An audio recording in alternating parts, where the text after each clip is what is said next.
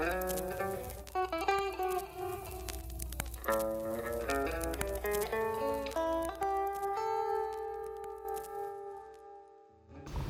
semuanya, kembali lagi di podcast gue.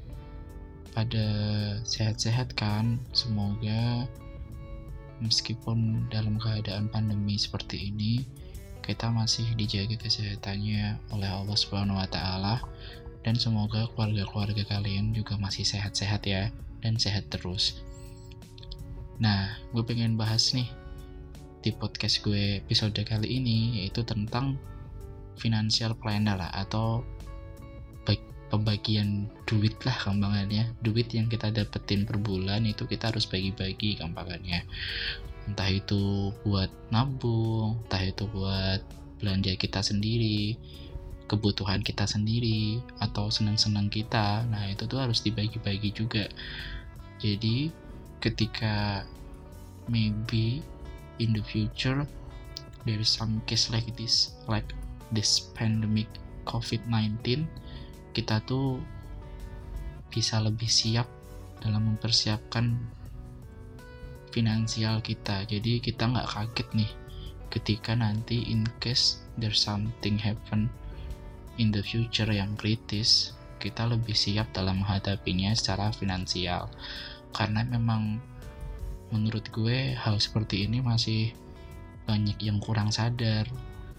Dan terus tiba-tiba ketika lagi butuh duit duitnya nggak ada dan hutang tuh jadi malah menjadi pilihan utama. Padahal hutang tuh harusnya jadiin pilihan terakhir kayak gitu nah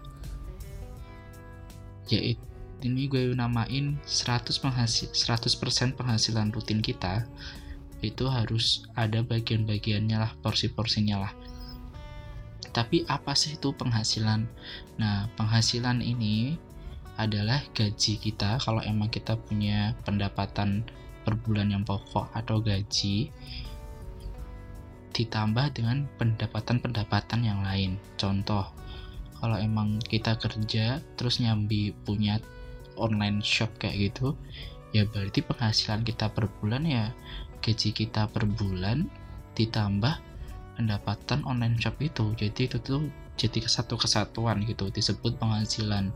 Gampangannya yaitu penghasilan adalah gaji ditambah pendapatan-pendapatan yang lain. Tapi kalau memang kita nggak punya pendapatan lain dan cuman punya gaji doang ya udah gaji aja. Tapi kalau kita wirausahawan terus kita kan pasti omsetnya berubah-ubah lah ya. Lalu terus gimana? Ambil rata-ratanya aja Nah, itu yang kita jadikan sebagai 100% penghasilan kayak gitu. Nah, 100 penghasilan 100% penghasilan ini dibagi-bagi menjadi 5. Yang pertama buat cicilan hutang, yang kedua buat pengeluaran rutin, yang ketiga buat menabung dan investasi, yang keempat buat nolongin orang charity sosial, yang kelima buat lifestyle atau gaya hidup lah gengsi gaya-gayaannya kita jajan kayak gitu. Nah itu yang kelima lifestyle tuh seperti itu maksudnya. Yuk kita bahas ya. Yang pertama yaitu cicilan hutang. Memang cicilan hutang ini pasti pastilah ya kita semua walaupun kecil terkadang memang pengen beli sesuatu yang nyicil kayak gitu. Nah ini nggak dilarang nggak dilarang sama sekali di perencanaan finansial. Tapi ada porsinya yaitu sebesar 30% jadi cicilan hutang kita itu maksimal harus 30% dari penghasilan kita. Ketika cicilan hutang kita lebih dari 30% dari 100% penghasilan berarti di situ hitungannya kita udah boros kita nggak mampu bayar cicilan tapi maksain jatuhnya. Jadi kalau nanti ada apa-apa nih ke depannya kita bakalan kurang siap buat menghadapinya. Makanya bagian yang pertama yaitu cicilan hutang maksimal harus 30% lalu yang kedua pengeluaran rutin. Pengeluaran rutin tuh pengeluaran-pengeluaran yang harus kalian keluarkan. Contoh kayak bayar internet bayar paket data, bayar pulsa, apalagi ya, makan, terus mungkin kalian yang ngekos males nyuci ya laundry terus kalau udah punya keluarga ya bayar sekolah anak bayar les anak. Nah kayak gitu tuh maksudnya ke pengeluaran rutin. Nah pengeluaran rutin ini dapat digunakan sekitar 40 sampai 60% dari penghasilan kita per bulan. Nah, jadi minimal 40%, maksimal 60% dari penghasilan per bulan. Jadi kalau seumpamanya kita makainya lebih dari 60% 60% dari pengeluaran jadi pengeluaran rutin kita itu dipakai lebih dari 60% dari penghasilan rutin kita. Intinya kita tuh boros.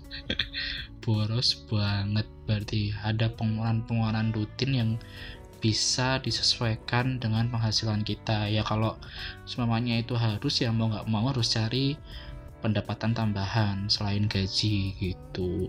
Kalau emang masih tetap kekeh lebih dari 60% ya mau nggak mau harus ningkatin income-nya, ningkatin penghasilannya. Tapi kalau bisa ya 40 sampai 60% pengeluaran rutin. Jadi biar aman lah kalau ada apa-apa kayak gitu. Selanjutnya, yang ketiga yaitu menabung dan investasi. Nah, menabung ini sangat penting ya. Apalagi emergency fund lah dalam gambarannya itu emergency fund. Jadi kayak nabung itu dibagi lagi sih hasilnya. Ada emergency fund ada buat nabung buat liburan ada yang nabung buat beli sesuatu. Nah hal-hal kayak gitu tuh juga ada bagian porsi-porsinya nih. Kita nabung buat apa kayak gitu. Tapi kalau gue saranin kalau pas kayak gini sih kalau bisa nabungnya ya kita nyediain buat emergency fund kayak gitu. Jadi buat dana yang dipakai ketika ada keadaan-keadaan genting. Contohnya kayak pandemi kayak gini ya mungkin ada yang di PHK ada yang gaji dipotong nah kayak gitu kan. Kebutuhan keluarga tetap harus dipenuhi walaupun penghasilan kita udah nggak ada. Nah semuanya kita nggak punya emergency fund kita bakalan kesulitan nih dalam menangani menangani hal-hal kayak gini kayak gitu. Mau nggak mau nanti kalau nggak punya malah terlilit hutang dan jadi nggak bisa bayarnya lalu makin gede dan makin sulit kan ke depannya. Oleh karena itu penting nih untuk nganggarin tabungan emergency fund kayak gitu. Nah menabung dan lalu investasi juga penting sih menurut gue. Ke depannya kan kita pengen apa ya kalau pensiun udah tua kayak gitu pengennya kan hidup santai kayak gitu kan. Makanya butuh juga nih dana investasi. Entah mau diinvestasiin ke reksadana ke saham obligasi emas itu nanti panjang lah bahasannya lah kalau bahas kayak gitu. Mungkin di segmen selanjutnya bisa gue bahas tapi kalau di sini gue cuman pengen bagi aja yaitu ada bagian untuk menabung dan investasi yaitu sebesar 10 sampai 30% dari 100% penghasilan. Selanjutnya ada dua setengah persen minimal minimal dua setengah persen buat charity charity buat sosial lah kampakannya lah jadi buat apa ya kayak ya buat manusia buat menolong orang-orang yang mungkin hidupnya kurang beruntung. Nah ini jatahnya minimal minimal dua setengah persen. Kalau buat kalian yang muslim ya itu bisa berupa zakat zakat penghasilan. Jadi penghasilan kalian dua setengah persennya minimal dizakatin. Kalau buat yang non muslim ya dua setengah persen diambil buat kasih ke charity. Banyaklah sekarang website charity ada kitabisa.com ada rumah zakat juga. Apa online sekarang. Rumah yatim juga ada. Banyak lah sekarang. Bebas kalian mau milih yang mana. Terserah kalian. Yang penting ini dua setengah persen buat nolongin orang. Buat sumbangan itu penting. Harus kalian anggarkan juga. Karena nolongin orang kan nggak bikin kita susah ya. Nah selanjutnya. Maksimal maksimal 20% buat lifestyle atau gaya hidup kita. Jadi gengsi-gengsiannya kita itu maksimal 20% dari penghasilan rutin kita. Nah ini terkadang yang dilupakan oleh milenial. Kadang gengsinya itu malah 60% pengeluaran rutinnya malah 20% kayak gitu. Jadi makan udah nggak enak lalu apalah intinya lah pokoknya bayar asuransi juga enggak. Ya kayak gitulah asuransi kesehatan dilupakan cuman buat lifestyle doang.